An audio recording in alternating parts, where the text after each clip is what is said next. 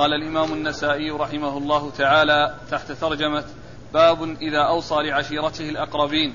قال أخبرنا محمد بن خالد قال حدثنا بشر بن شعيب عن أبيه عن الزهري قال أخبرني سعيد بن المسيب وأبو سلمة بن عبد الرحمن أن أبا هريرة رضي الله عنه قال قام رسول الله صلى الله عليه وآله وسلم حين أنزل عليه وأنذر عشيرتك الأقربين فقال يا معشر قريش اشتروا أنفسكم من الله لا أغني عنكم من الله شيئا.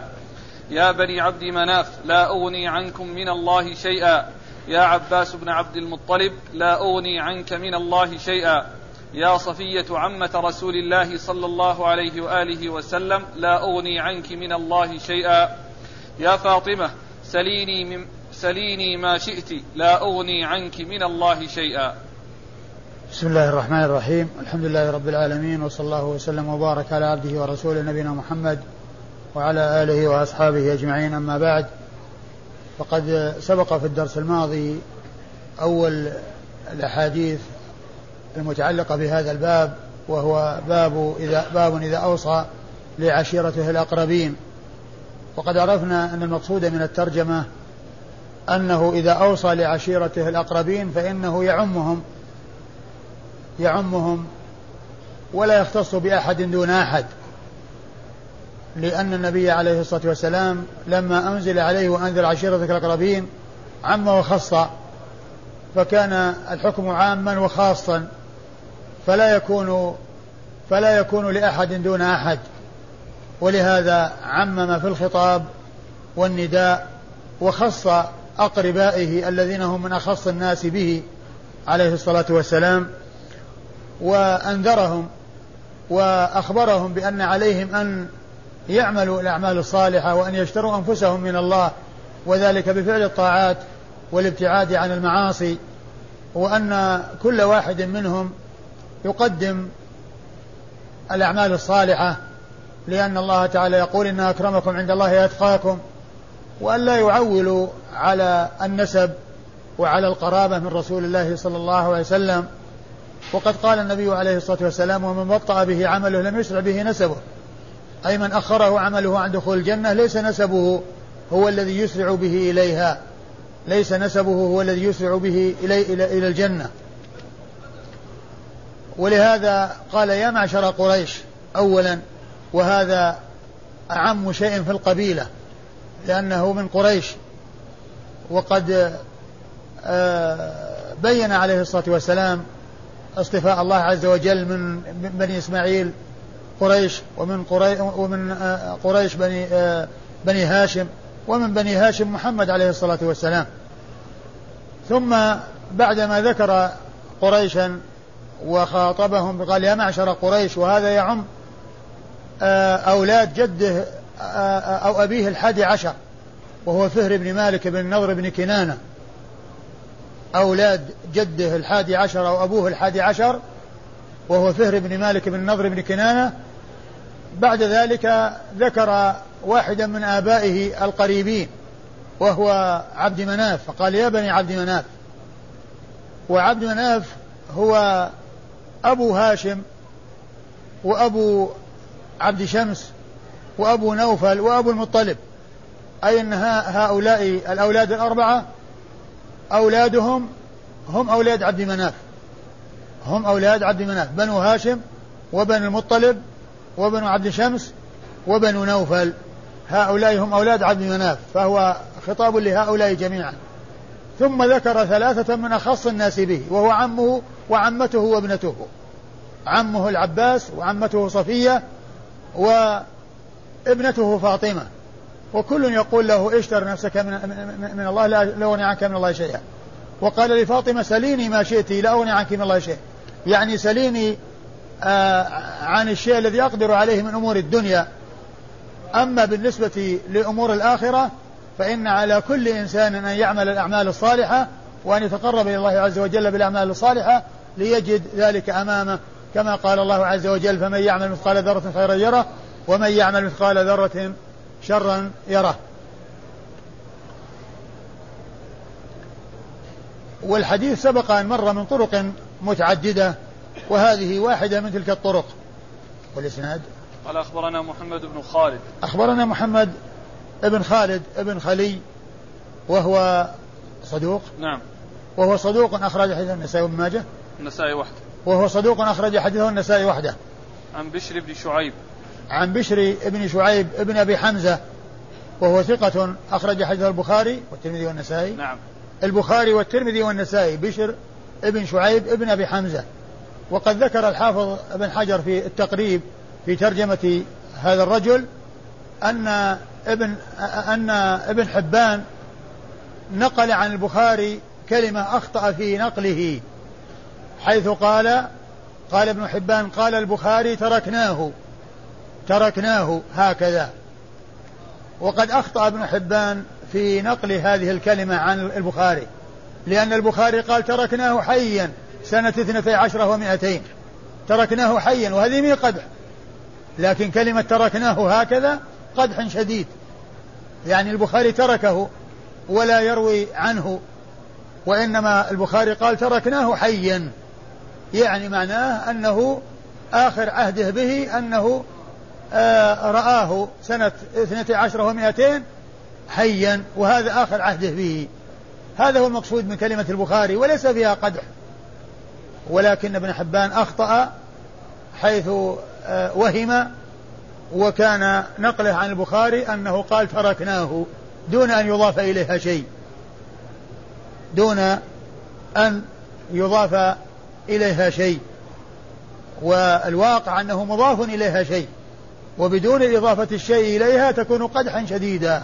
والواقع أنه لا قدح من البخاري وهو ثقة أخرج حديث البخاري والترمذي والنسائي.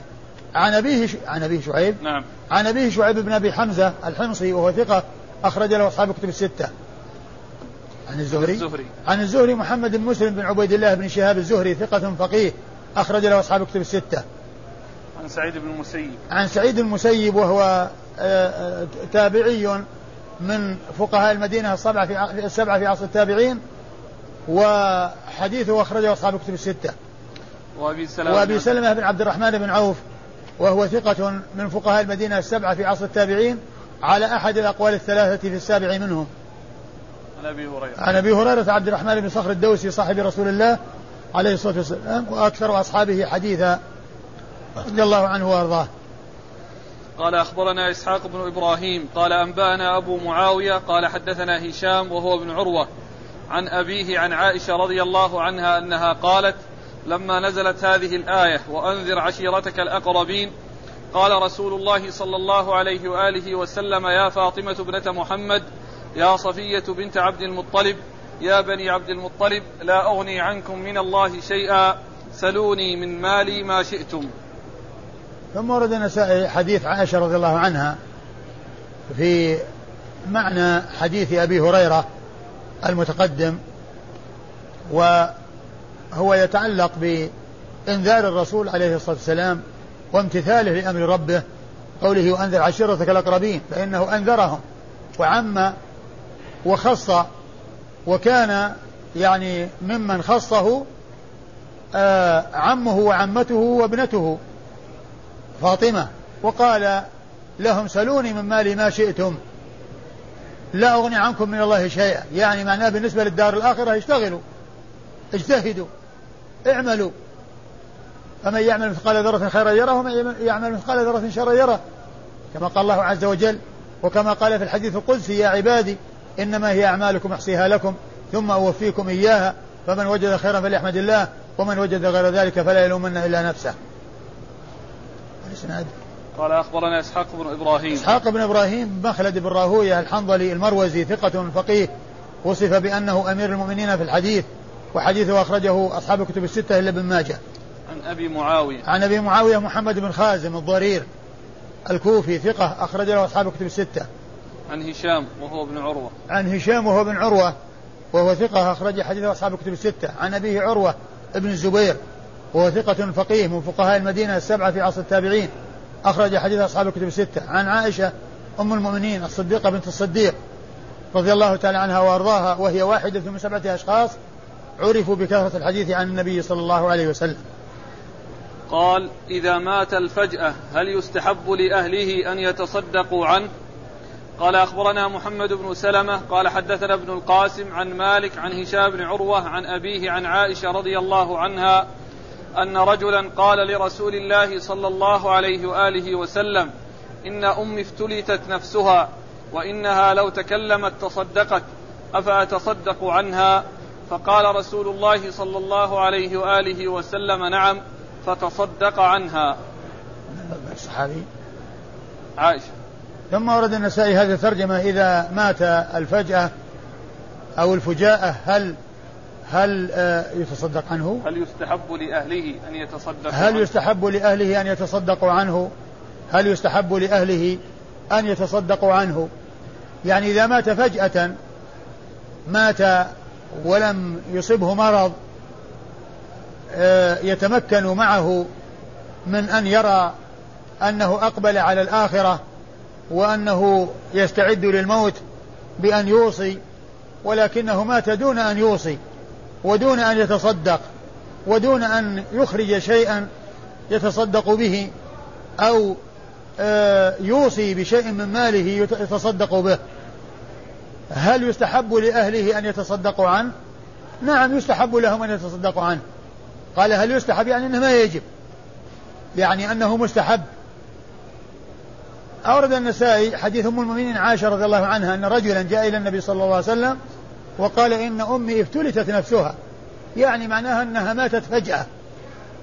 وهذا هو المقصود من الترجمة. يعني افتلتت نفسها يعني ماتت فجأة. وخرجت نفسها فجأة. آه وأراها لو تكلمت تصدقت. يعني لو تمكنت من الكلام لو أصابها مرض. يعني وتكلمت في أثنائه لتصدقت ولكنها ماتت فجأة لن تتمكن من أن تعمل شيئا. أفينفعها أن أتصدق عنها؟ قال عليه الصلاة والسلام نعم فتصدق عنها. نفذ نفذ الشيء الذي هم به وأراده بعد أن أفتاه رسول الله صلى الله عليه وسلم بأن يتصدق عنها. وهذا يدلنا على يدلنا على أولا على ما كان عليه أصحاب رسول الله عليه الصلاة والسلام من الحرص على نفع أقربائهم وعلى بر آه، آبائهم وأمهاتهم لأن هذا الرجل جاء يسأل هل ينفعها أن يتصدق عنها بعد أن ماتت؟ وفيه أيضا دليل على أن الصدقة عن الميت تنفع وأنها ثابتة عن رسول الله عليه الصلاة والسلام. كون الإنسان يتصدق عن قريبه عن أمه أو أبيه أو غيره أو غيرهم فإن ذلك ينفعه. لأن الصدقة عن الأموات سائغة. جاءت بها السنة عن رسول الله صلى الله عليه وسلم في هذا الحديث وفي غيره من الأحاديث. وقد جاءت أيضا آه، آه، نفع الغير بأعمال الأحياء فيما يتعلق بالحج والعمرة وكذلك فيما يتعلق بالدعاء وكذلك فيما يتعلق بالصيام يعني صيام الواجب وكذلك قضاء النذر كل هذا جاءت به السنة عن رسول الله صلى الله عليه وسلم. وعلى من أراد أن ينفع موتاه أن ينفعهم في حدود ما ورد. وقد اختلف العلماء هل ما لم يرد فيه شيء هل يقاس على ما ورد أو يقتصر على ما ورد؟ قولان لأهل العلم. منهم من قال إنه يقاس. الأعمال التي ما ورد مثل قراءة القرآن وإهداء ثوابه للأموات وهو لم يرد يقاس على ما ورد. ومنهم من قال إنه يقتصر على ما ورد. ومن أراد أن ينفع موتاه فلينفعهم في حدود الوارد. ولا شك أن من اقتصر على ما ورد عن رسول الله صلى الله عليه وسلم فقد فهو متمسك بالدليل. ولا إشكال في الحجة معه. وأما القياس فهو محل نظر. من العلماء من قاس ومنهم من لم يقس. والقياس محل نظر. والذين قالوا بأن بالقياس قالوا لأن النبي صلى الله عليه وسلم لو سئل لأجاب. سئل عن أشياء معينة فأجاب. ولم يسأل عن أشياء معينة ولو سئل عنها لأجاب. وقولهم لو سئل عنها لأجاب هذا غير مسلم. لأنه قد يكون الجواب يخالف الشيء الذي آه، أجاب به. لأنه ورد لذلك نظائر. الرسول صلى الله عليه وسلم سئل عن الوضوء من لحم الغنم فقال إن شئتم. وسئل عن الوضوء من لحم الإبل فقال توضأوا من لحوم الإبل. فلو سأل السائل واقتصر على واحدة منهما ولم يسأل عن الأمر الثاني هل يقال أن هذا الذي لم, يج... لم الذي سكت عنه أو الذي لم يسأل عنه مثل الذي سئل عنه؟ مع أن الجواب مختلف. فقولهم أنه لو سئل عن الأمور الأخرى لأجاب هذا غير مسلم. بدليل أنه سئل عن الوضوء من لحم الإبل فأجاب بالوضوء وسئل عن الوضوء من لحم الغنم فأجاب بالتخيير. وأن هناك فرق بين هذا وهذا. ولا شك أن من اقتصر على ما وردت به السنة عن رسول الله صلى الله عليه وسلم فقد ظفر بالدليل وسعيد بالدليل ونفع موتاه في أمر جاءت به السنة وفي أمر محقق وأما ما عدا ذلك فالأمر فيه ليس بواضح والأولى والأفضل للإنسان أن ينفع موتاه في حدود ما ورد لا سيما الصدقة التي شأنها عظيم وأمرها عظيم. شأنها عظيم وأمرها عظيم. وبعض الناس يروح يستأجر وناس يقرؤون القرآن ليهدوا ثواب الأموات. ولو أنه تصدق بهذه الصدقة عن الأموات وأعطاها للفقراء والمساكين لا لهؤلاء الذين يتكسبون بالقرآن لكان في ذلك اتباع للسنة وكان في ذلك آه، فعل الشيء المحقق وصوله إلى الأموات لثبوت السنة فيه عن رسول الله صلوات الله وسلامه وبركاته عليه. نعم. قال أخبرنا محمد بن, بن سلمة. أخبرنا محمد بن سلمة المرادي المصري وهو ثقة أخرج حديث مسلم والنسائي وابن ماجه. وأبو داود. مسلم والنسائي وأبو داود والنسائي وابن ماجه. عن ابن القاسم. عن ابن القاسم عبد الرحمن بن القاسم صاحب الإمام مالك وهو ثقة أخرج حديثه البخاري وأبو داود في المراسيل والنسائي. عن مالك. عن مالك بن أنس من إمام دار الهجرة الإمام مشهور وحديثه أخرجه أصحاب الكتب الستة. عن هشام بن عروة عن أبيه عن هشام بن عروة عن أبيه عن عائشة وقد مر ذكرهم. قال أنبأنا الحارث بن مسكين قراءة عليه وأنا أسمع عن ابن القاسم عن مالك عن سعيد بن عمرو بن شرحبيل بن سعيد بن سعد بن عبادة عن أبيه عن جده رضي الله عنه أنه قال خرج سعد بن عبادة رضي الله عنه مع النبي صلى الله عليه وآله وسلم في بعض مغازيه. وحضرت أمه الوفاة بالمدينة فقيل لها أوصي فقالت فيم أوصي المال مال سعد فتوفيت قبل أن يقدم سعد فلما قدم سعد ذكر ذلك له فقال يا رسول الله هل ينفعها أن أتصدق عنها؟ فقال النبي صلى الله عليه وآله وسلم نعم فقال سعد حائط كذا وكذا صدقة عنها لحائط سماه. ثم ورد النسائي حديث سعد بن عبادة منه عنه. نعم. منه عنه أول عن حديث سعد بن عبادة أو سعيد بن سعد بن سعيد بن سعد بن عبادة. سعد بن عبادة أو سعيد بن سعد بن عبادة. آه أن أنه كان في بعض المغازي مع رسول الله صلى الله عليه وسلم وأن أمه مرضت وطلب منها أن تتصدق فقالت المال مال سعد. بأي شيء نتصدق؟ المال لسعد. وماتت. ولما قدم سعد وأخبر بما حصل جاء إلى الرسول صلى الله عليه وسلم وسأله هل ينفعها أن يتصدق عنها؟ قال نعم. فتصدق لها ببستان سماه إيش قال؟ لحائط. لحائط. حائط كذا وكذا حائط كذا وكذا يعني معناها أنه صدقة لأمه. سماه يعني آه هذا الذي كان عنه عنه بكذا وكذا يعني من أن سماه الحائط الفلاني والحائط الفلاني. ولكنه لم يسمه هنا في الرواية ولكن قال كذا وكذا آه اختصارا وعدم تعيين وأنه سمى الحائط. فالحديث يدل على ما دل عليه ما تقدم من آه الصدقة عن الميت إلا أن الأول يدل على ما مطابق للترجمة من حيث الفجأة وموت الفجأة وأما هذا ليس موت فجأة وهو يدل على أنه ينفع الميت. إذا تصدق عنه سواء مات فجأة أو ليس بفجأة.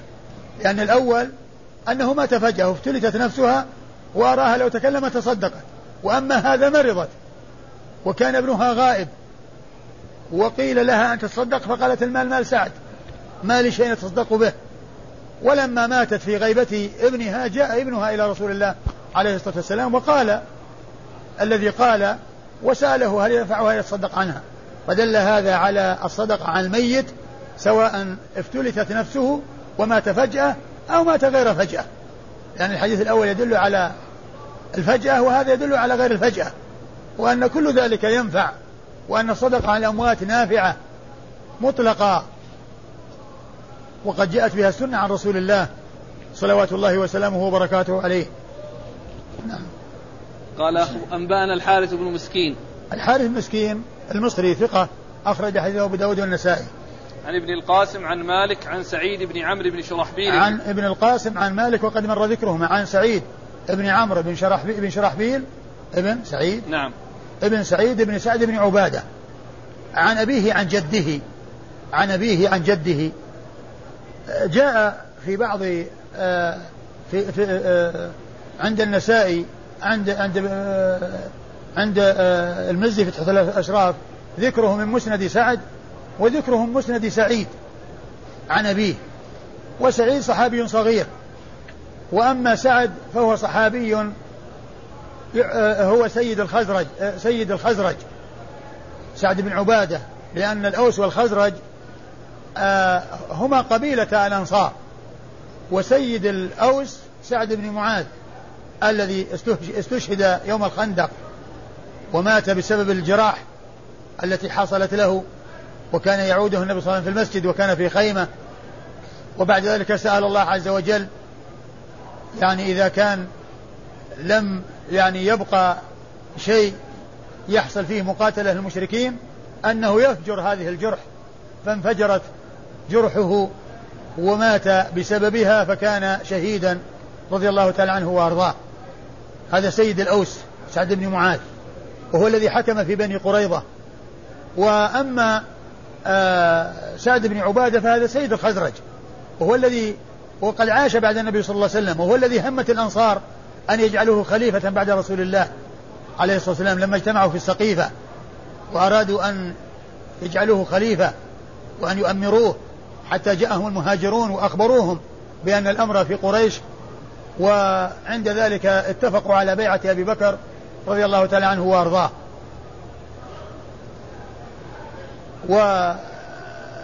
والإسناد عن سعيد بن عمرو بن شرحبيل. عن سعيد بن عمرو بن شرحبيل بن سعيد بن سعد بن عبادة. وسعيد هذا صدوق ولا ثقة. ثقة. أخرج حديثه. النسائي وحده ثقة. أخرج حديثه النسائي وحده. وأما أبوه هل هو أبوه القريب الذي هو عمرو بن شرحبيل؟ وهو مقبول أخرج حديثه النسائي. أو أنه سعيد الصحابي الصغير وهو إيش؟ سعيد بن سعد. سعيد سعيد بن سعد. صحابي. صحابي لا أخرج حديثه. النسائي وابن ماجه. أخرج حديثه النسائي وابن ماجه. أما سعد بن عبادة فقد أخرج حديثه أصحاب السنن الأربعة. أخرج حديثه أصحاب السنن الأربعة. وهذا الحديث آه، جاء طرق أخرى يعني في قصة سعد وتصدقه عن أمه وهي ثابتة ومنها ما سيأتي فالحديث يعني هذا ثابت كما أن غيره مما سيأتي ثابت. نعم. شيخ بالنسبة للأشياء التي تفعل على الميت لو ذكرتموها مرة ثانية. الأشياء التي وردت بها السنة الصدقة والحج والعمرة وكذلك الدعاء والاستغفار. وكذلك الصوم الواجب عن الميت يعني سواء كان فرضا أو آه، فرضا أو فرضه الله اللي هو شهر رمضان أو نذر نذره على نفسه فإنه يؤدى عنه. هذا هو الذي وردت به السنة عن رسول الله عليه الصلاة والسلام. وما عداها قيس قاسه بعض العلماء والأولى الاقتصار على ما ورد. الحج غير الواجب. الحج ورد. لا لا الحج حجة الواجب. إيش؟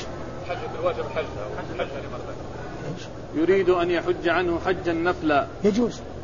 يجوز. ما دام أنه يعني آه، ثبت آه، في النيابة في الأصل فكذلك آه، سواء كان فرضا أو أو نفلا. سواء حج عنه فرضا أو حج عنه نفلا. طيب بالنسبة للأضحية تدخل في الصدقة ولا شيء خاص؟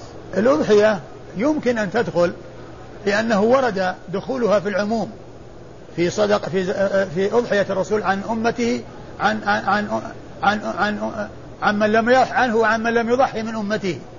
ومن المعلوم أن من لم يضحي من أمته فيهم الأحياء وفيهم الأموات فيهم الأحياء وفيهم الأموات. فهذا يدل في الجملة على أنه يضحى عن الأموات. والأضحية هي صدقة. إلا أنها آه، قربة وصدقة. يضاف إلى كونها صدقة يضاف إلى أنها قربة. وهي سفك الدم تقرب إلى الله عز وجل. قال فضل الصدقة عن الميت. قال أخبرنا علي بن حجر قال حدثنا إسماعيل قال حدثنا العلاء عن أبيه عن أبي هريرة رضي الله عنه أن رسول الله صلى الله عليه وآله وسلم قال إذا مات الإنسان انقطع عمله إلا من ثلاثة من صدقة جارية وعلم ينتفع به وولد صالح يدعو له. ثم ورد النسائي هذه الترجمة وهي فضل الصدقة عن الميت. يعني معناه الحديث التي مرت فيها إثبات الصدقة وأنه يتصدق عن الميت وهذا فيه إثبات فضلها وما فيها من الفضل. وأورد النسائي حديث أبي هريرة رضي الله عنه في قوله عليه الصلاة والسلام إذا مات ابن آدم انقطع عمله إلا من ثلاث صدقة جارية أو علم ينتفع به أو ولد صالح يدعو له. الصدقة الجارية هي هذه محل الشاهد من إيراد الحديث. هذه الصدقة الجارية سواء سواء كان هو الذي الذي خلفها بأن يكون وقف شيئا دائما في حياته وبعد وفاته ترجع ثمرته تصرف ثمرته في وجوه الخير ويعود نفعها عليه باستمرار. فهي صدقة جارية يعني مستمرة. ما هي صدقة؟ يعني منتهية. كان يكون إنسان أعطى له مئة ريال لفقير. انتهت هذه الصدقة. لكن كونه يوقف إيجارة عمارة تؤجر وأجارتها في كل سنة يتصدق بها على الفقراء والمساكين هذه في كل سنة يأتي نفعها ويأتي ريعها وينتفع الفقراء والمساكين بها باستمرار. فهي صدقة جارية. أو بستان نخل في كل سنة صدقة ثمرته يتصدق بها عن عنه أو عن غيره. فسواء كان هذا النفع منه بأن وقف في حياته أو أوصى بعد وفاته أو أوصى في حدود الثلث. بعد وفاته في أمر يكون صدقة جارية. بأن يكون يعني شيء يؤجر وفي كل سنة يكون أجاره أو مسجد يبنى. وينتفع الناس بالصلاة فيه بصفة مستمرة. كل ذلك شيء جاري. أو غيره تصدق عنه. أو غيره تصدق عنه بصدقة جارية. وهذا هو الم... الذي يعني يدخل تحت الترجمة. لأنه الترجمة فضل الصدقة عن الميت. يعني معناه أن الصدقة الجارية هي فعلها غير الميت عن الميت فتنفعه. والحديث يعني يشمل ما إذا كان الإنسان آه عمل صدقة جارية إما وقفا أو وصية بعد موته أو غيره تصدق عنه بصدقة جارية. لأن الصدقة عن الميت تنفع سواء كانت جارية أو منتهية. سواء كانت جارية مستمرة أو منتهية. فالمقصود أن آه، آه، النسائي رحمه الله أتى بهذا اللفظ العام الذي يشمل ما إذا تصدق هو بصدقة جارية في حياته أو بعد وفاته أو تصدق عنه غيره بصدقة جارية. فكل ذلك ينفعه لأن الصدقة عن الأموات تنفعهم سواء كانت آه، محددة ومؤقتة أو مستمرة ودائمة. إذا مات ابن آدم انقطع عمله إلا مثل صدقة جارية. أو علم ينتفع به. أو علم ينتفع به. بأن يكون له تلاميذ أخذوا عنه وأعطوا لمن وراءهم. فيكون استفاء فيكون هذا النفع الذي يحصل من تلاميذه من بعده يرجع إليه. يعني هم يثابون وهو يثاب. لأنه هو الذي تسبب في وصول هذا العلم إليهم. وكذلك إذا ألف مؤلفات وبقيت بعده وتناقلها الناس وتداولها الناس واستفاد منها الناس فإن هذا علم ينتفع به علم ينتفع به الإنسان. أو ولد صالح يدعو له لأنه بسببه وهو سبب وجوده فإذا فالولد الذي يدعو له هو هو سبب وجوده فيعني ينفعه دعاء ولده له بصفة دائمة ولده وولد ولده ينفعه ذلك. إذا مات ابن آدم انقطع عمله إلا من ثلاث صدقة جارية أو علم ينتفع به أو ولد صالح يدعو له. نعم الإسناد قال أخبرنا علي بن حجر. أخبرنا علي بن حجر بن إياس السعدي المروزي ثقة أخرج حديث البخاري والبخاري ومسلم والترمذي والنسائي. عن إسماعيل. عن إسماعيل بن جعفر وهو ثقة أخرج له أصحاب كتب الستة. عن العلاء. عن العلاء بن عبد الرحمن بن يعقوب وهو صدوق. ربما وهم صدوق ربما وهم أخرج حديث البخاري في جزء القراءة ومسلم وأصحاب السنة الأربعة. عن أبيه. عن أبيه آه، آه، عبد الرحمن بن يعقوب وهو ثقة أخرج حديث البخاري آه، في جزء القراءة ومسلم وأصحاب السنة الأربعة. عن أبي هريرة. عن أبي هريرة وقد مر ذكره. أحسن الله إليك. هل في هذا الحديث دليل على أن الصدقة عن الميت والدعاء له أفضل من الاعتمار والحج عنه؟ لا شك أن الصدقة أفضل لأنها نفعها متعدي نفعها متعدي والحج فيه يعني نفع متعدي ولكنه ليس كالصدقة التي فيها سد الفاقة وسد الحاجة. والكل فيه خير كثير. لكن ورد من الحث على الصدقة ما لم يرد فيما يتعلق بالحج. ولا شك أن الصدقة آه تطفئ الخطيئة وهي وقاية من النار. وقد قال عليه الصلاة والسلام اتقوا النار ولو بشق تمرة. فالصدقة شأنها عظيم وقضاء آه، آه، سد العوز وسد الفاقة. هذا أمر عظيم. ولا شك أن كل إنسان يتصدق ويحرص على أن يتصدق لا شك أنه أولى من كونه يحج عنه. وإن جمع بين الاثنين فخير إلى خير ونور إلى نور. وهل في قوله وولد صالح يدعو له قيد؟ الذي يبدو أنه ليس بقيد لأن لأن إذا وجد له أناس آخرون يدعون له وهم ليسوا من أولاده فإن ذلك ينفعه لأن دعاء دعاء المسلمين الأحياء الأموات ينفعهم مطلقة سواء كانوا أولاد أو غير أولاد. لكن نص على الولد لأنه به أخص ويعني آه، من بره أن يدعو له من بره بأبيه أن يدعو له وبأمه أو بأبويه أن يدعو لهما. لا يقال أن هذا يعني لا يكون لكن من شأنه غالبا أن الأبناء هم الذين يكون استغفارهم ودعائهم لآبائهم يعني مستمر. غيرهم لو وجد فإنه كذلك يعود إليه وينفعه ولو كان ليس ولده. إذا وجد مثلا من يعني تلاميذه أو من أقربائه ومن له به علاقة ومن بينه وبين صداقة شديدة ومحبة ووفاق وكان يدعو له بصفة دائمة ينفعه. الصالح هو الذي من شأنه الدعاء بخلاف الطالع فإن الطالح ما ينفع نفسه ولا ينفع غيره. قال أخبرنا علي بن حجر قال أنبانا إسماعيل عن العلاء عن أبيه عن أبي هريرة رضي الله عنه أن رجلا قال للنبي صلى الله عليه وآله وسلم إن أبي مات وترك مالا ولم يوصي فهل يكفر عنه؟ أن أتصدق عنه؟ قال نعم. ثم ورد النسائي حديث أبي هريرة وأن رجلا جاء إلى النبي صلى الله عليه وسلم وقال له إن أباه مات ولم يتصدق وترك مالا ولم يتصدق أفينفعه أن يتصدق عنه؟ قال نعم. أفينفعه أن يتصدق عنه؟ قال نعم. وهذا يدلنا على على آه ثبوت الصدقة عن الأموات وأنه ينفع الأموات. أن يتصدق عنهم الأحياء.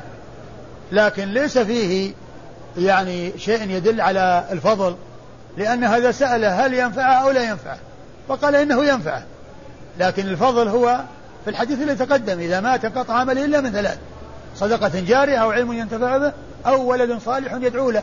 ولا شك أن هذا فيه فضل لكن كون في حث أو فيه كذا ما فيه شيء يعني وإنما فيه استفتاء وإفتاء. بأنه ينفعه فهو يعني يدل على الفضل من ناحية أن فيه بر وأن فيه إحسان. أما كون فيه شيء قاله الرسول ابتداء يرغب فيه ويدل على عظم فضله ما في شيء يدل عليه ولكن يدل على أنه ينفع. ولا شك أنه إذا كانت الصدقة تنفع الأموات بعد موتهم من الأحياء فهذا فيه فضل لأن فيه بر وإحسان من الحي للميت. قوله فهل يكفر عنه ألا يدل على الفضل؟ قوله فهل يكفر عنه يعني يحتمل أن يكون نعم يدل على الفضل ويحتمل أن يكون مقصوده يكفر الخطايا نعم هذا يدل على الفضل ويحتمل أن يكون مقصوده يكفر عنه يعني كونه ما ما تصدق أو كونه ما أخرج شيئا فيكون هذا عوضا عن الشيء الذي فاته أن يفعله. عوض عن الشيء الذي فاته أن يفعله وهو أنه يتصدق. ولا شك أن كلمة قوله هل يكفر بعمومها تدل على على الفضل لأن تكفير السيئات فيه فضل لا شك. إسناده كما مر علي بن حجر عن إسماعيل. مثل مثل الذي قبله. قال آه علي بن حجر. عن إسماعيل. عن إسماعيل. عن العلاء. عن العلاء. عن أبيه. عن أبيه عن أبي هريرة. قال أخبرنا موسى بن سعيد. قال حدثنا هشام بن عبد الملك. قال حدثنا حماد بن سلمة. عن محمد بن عمرو. عن أبي سلمة. عن الشريد بن سويد الثقفي رضي الله عنه أنه قال أتيت رسول الله صلى الله عليه وآله وسلم فقلت إن أمي أوصت أن تعتق عنها رقبة. وإن عندي جارية نوبية أفيجزئ عني أن أعتقها عنها؟ قال ائتني بها فأتيته بها فقال لها النبي صلى الله عليه وآله وسلم من ربك؟ قالت الله. قال من أنا؟ قالت أنت رسول الله. قال فأعتقها فإنها مؤمنة. ثم ورد النسائي حديث الشريد بن سويد رضي الله عنه أنه جاء إلى النبي صلى الله عليه وسلم وقال إنه أوصى أن أمه أوصت أن يعتق عنها رقبة. وكأنه يعني مؤمنة وكأن من شأن هذه الرقبة أن تكون مؤمنة. وقال ولما قال له إن عندي جارية قال ائتني بها. فسألها عن ربها وعن نبيها فأخبر فأجابت بأن ربها الله ونبي محمد صلى الله عليه وسلم نبيها. فقال اعتقها فإنها مؤمنة. اعتقها فإنها مؤمنة. والحديث يدل أيضا على الإعتاق عن الأموات. وأن ذلك ينفعه. الحديث يدل أيضا على الإعتاق عن الأموات. كل إنسان يعتق رقبة عن الميت هذا الحديث يدل عليه. لأن المرأة أوصت أن يتصدق عنها أن تعتق وابنها استفتى هل ينفعها أن يعتق عنها فأخبر النبي بأنه ينفعها. فهذا أيضا مما وردت به السنة فيما ينتفع به الأموات من سعي الأحياء.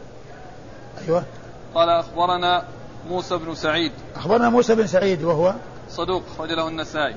وهو صدوق أخرج حديثه النسائي وحده. عن هشام بن عبد الملك. عن هشام بن عبد الملك أبو الوليد الطيالسي وهو ثقة أخرج له أصحاب كتب الستة.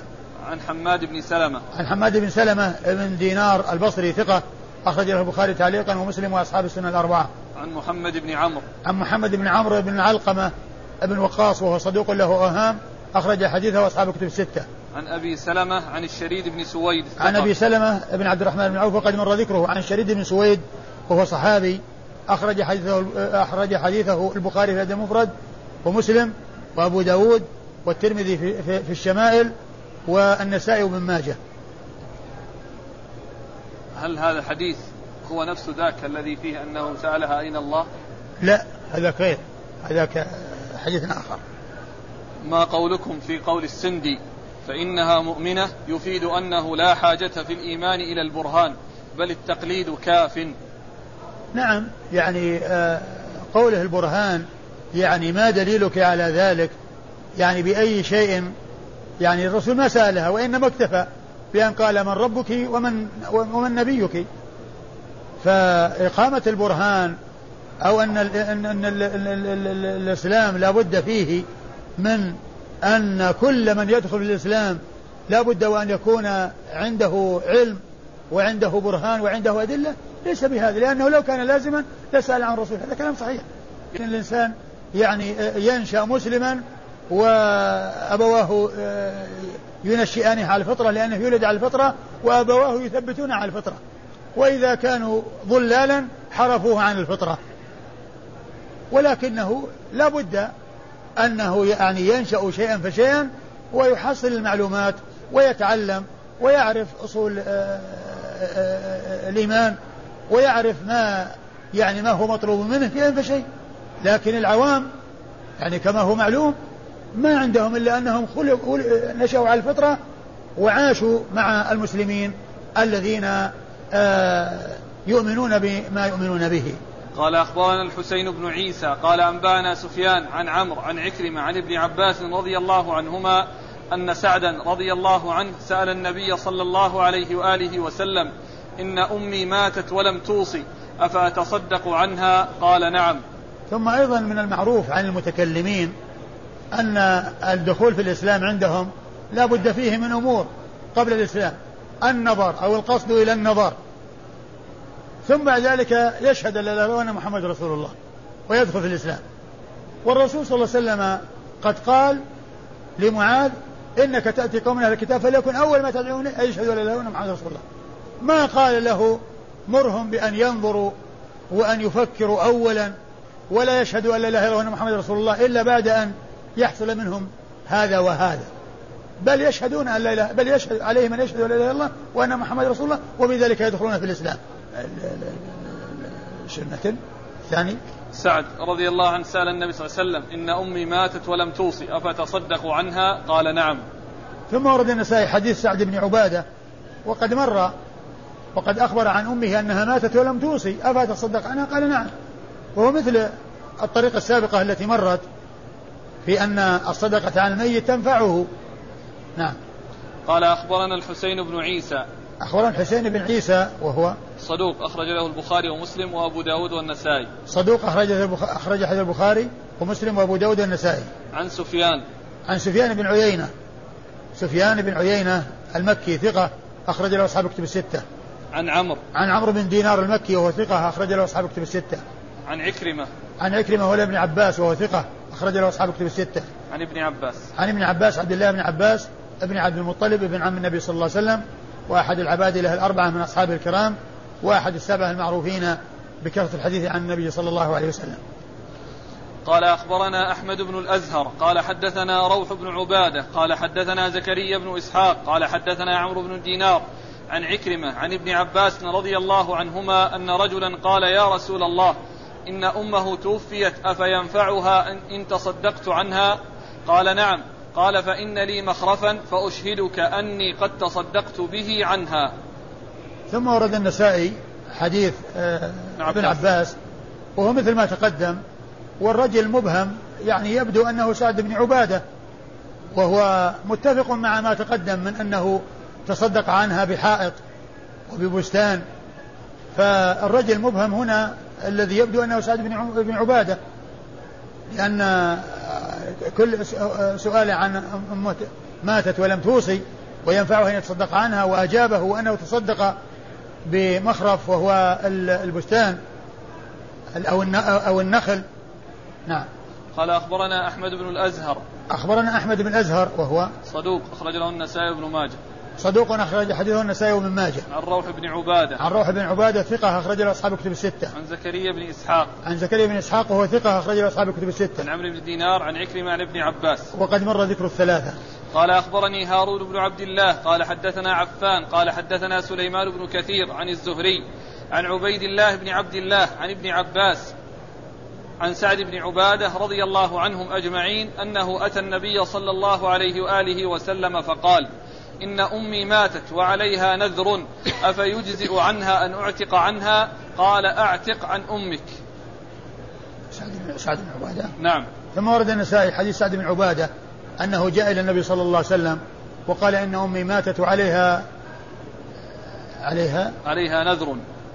نذر بس هكذا؟ نعم. وعليها نذر أفينفعها أن أفيجزئ عنها أن أعتق عنها؟ يعني كأنه نذر عتق. عليها نذر عتق أفينفعها أن أعتق عنها؟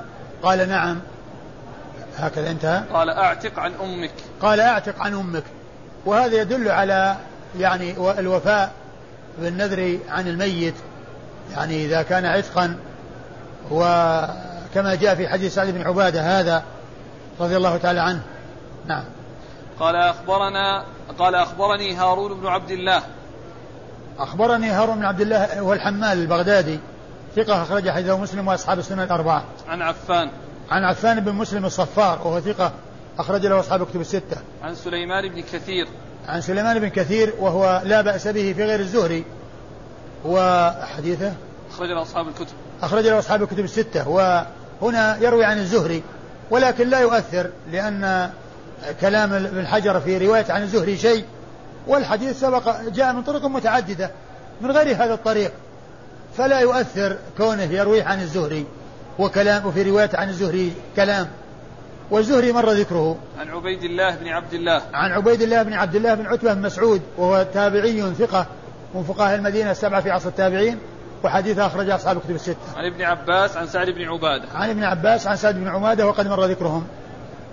قال أخبرنا محمد بن محمد أبو يوسف الصيدلاني.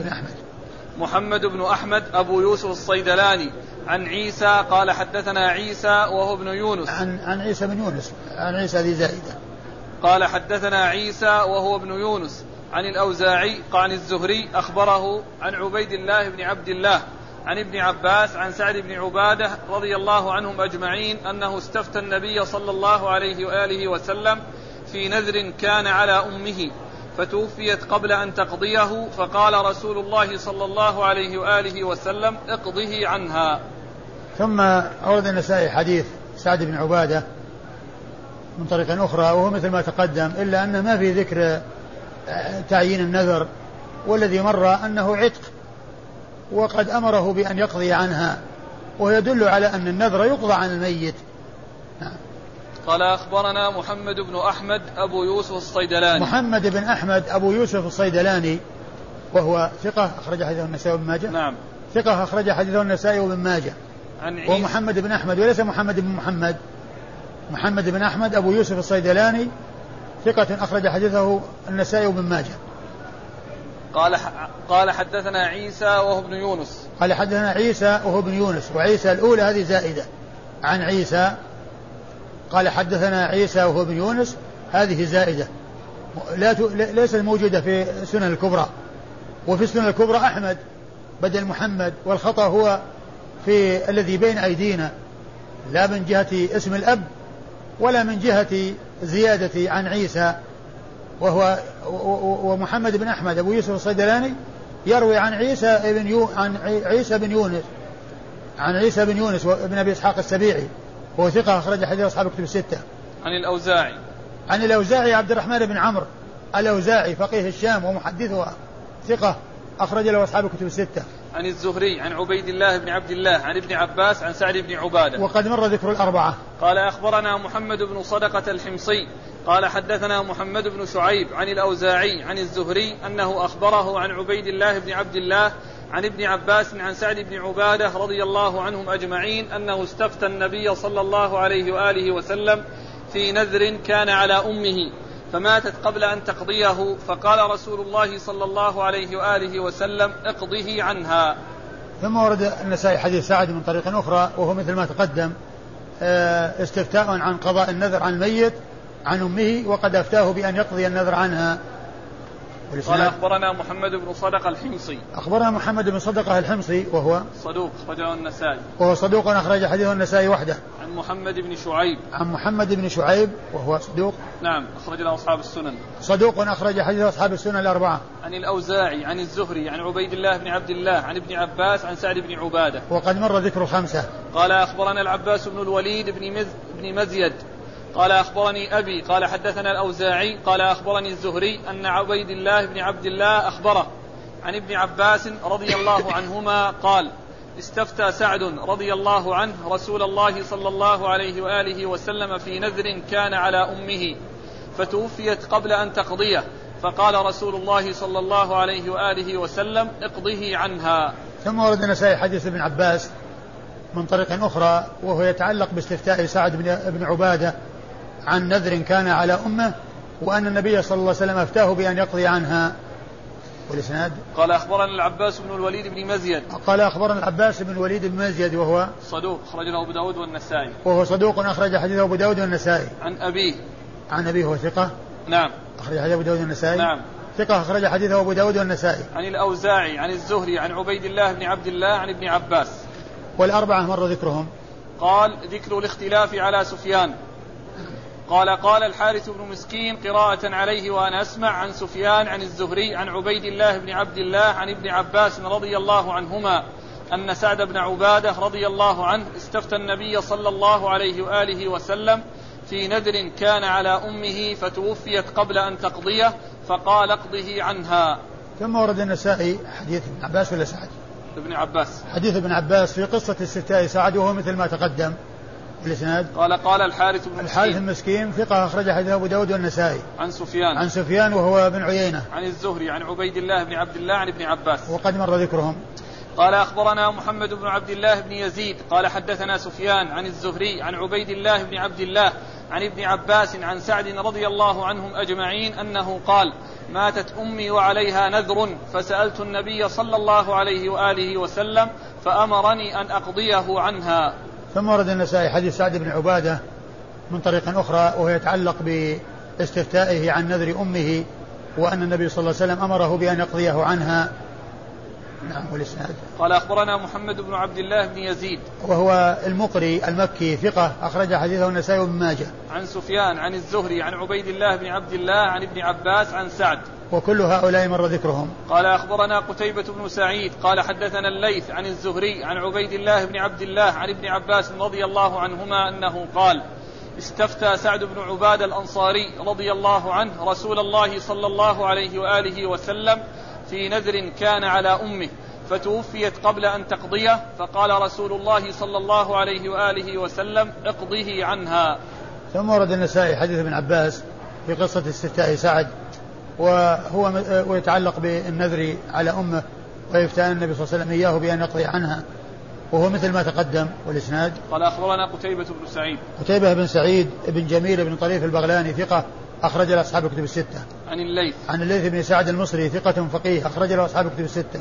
عن الزهري عن عبيد الله بن عبد الله عن ابن عباس. وقد مر ذكرهم. قال أخبرنا هارون بن إسحاق الهمداني عن عبده عن هشام هو ابن عروة عن بكر بن وائل عن الزهري عن عبيد الله بن عبد الله عن ابن عباس رضي الله عنهما أنه قال جاء سعد بن عبادة رضي الله عنه إلى النبي صلى الله عليه وآله وسلم فقال إن أمي ماتت وعليها نذر ولم تقضه قال اقضه عنها ثم ورد النسائي حديث ابن عباس في قصة نذر أم سعد بن عبادة وإفتاء النبي صلى الله عليه وسلم لسعد بأن يقضي عنها وهو مثل ما تقدم قال أخبرنا هارون بن إسحاق الهمداني هارون بن إسحاق الهمداني إيش قال عنه؟ أخرج له البخاري في جزء القراءة والترمذي والنسائي وابن ماجه. صدوق أخرج هذا البخاري في جزء القراءة ومسلم. والت... ما في مسلم؟ لا. آه البخاري في جزء القراءة. والترمذي والنسائي. والترمذي والنسائي وابن ماجه. عن عبده. عن عبده بن سليمان وهو ثقة أخرج أصحاب الكتب الستة. عن هشام هو ابن عروة عن بكر بن وائل. وقد مر ذكرهم. بكر بكر بن وائل. لا بكر بن وائل آه ثقة. صدوق. صدوق أخرج حديثه مسلم وأصحاب السنة الأربعة. عن الزهري عن عبيد الله بن عبد الله عن ابن عباس. وقد مر ذكرهم. قال أخبرنا محمد بن عبد الله بن المبارك قال حدثنا وكيع عن هشام عن قتادة عن سعيد بن المسيب عن سعد بن عبادة رضي الله عنه أنه قال قلت يا رسول الله إن أمي ماتت أفأتصدق عنها؟ قال نعم. قلت فأي الصدقة أفضل؟ قال سقي الماء. أعد المتن. عن سعد بن عبادة رضي الله عنه أنه قال قلت يا رسول الله إن أمي ماتت أفأتصدق عنها؟ قال نعم. قلت فأي الصدقة أفضل؟ قال سقي الماء. أورد النسائي حديث سعد بن سعد بن عبادة حيث استفتى رسول الله صلى الله عليه وسلم بأن أمه ماتت وأنه يريد أن يتصدق عنها وأي الصدقة أفضل فقال سقي الماء. يعني أن سقي الماء إذا كان الناس محتاجين إلى الماء فإنه أفضل من غيره لأن به حياة الناس.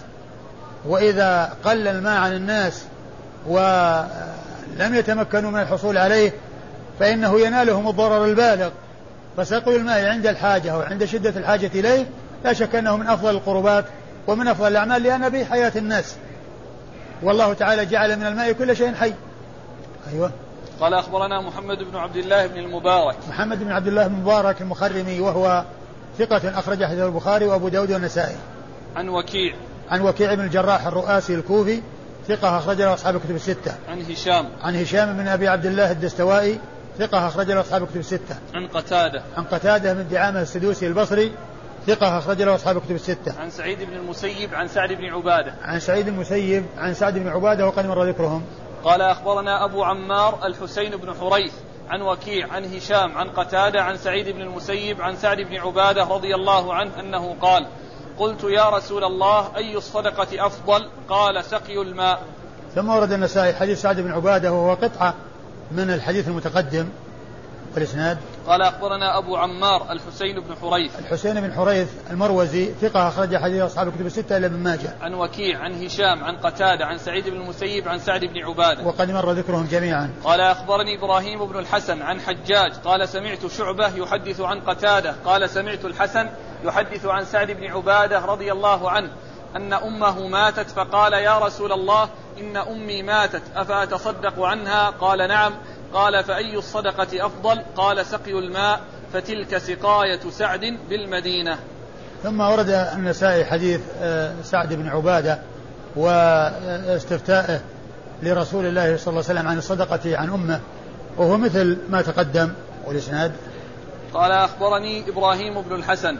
إبراهيم بن الحسن المصيصي ثقة أخرج حديثه. أبو داود والنسائي. أبو داود والنسائي. عن حجاج. عن حجاج بن محمد المصيصي ثقة أخرج لأصحاب الكتب الستة. عن شعبة. عن شعبة بن الحجاج الواسط ثم البصري ثقة وصف بأنه أمير المؤمنين في الحديث وحديث أخرج أصحاب الكتب الستة. عن قتادة عن الحسن. عن قتادة قد مر ذكره عن الحسن بن أبي الحسن البصري ثقة أخرج له أصحاب الكتب الستة. عن سعد. عن سعد وقد مر ذكره والله تعالى أعلم وصلى الله وسلم وبارك على عبده ورسوله نبينا محمد وعلى آله وأصحابه أجمعين.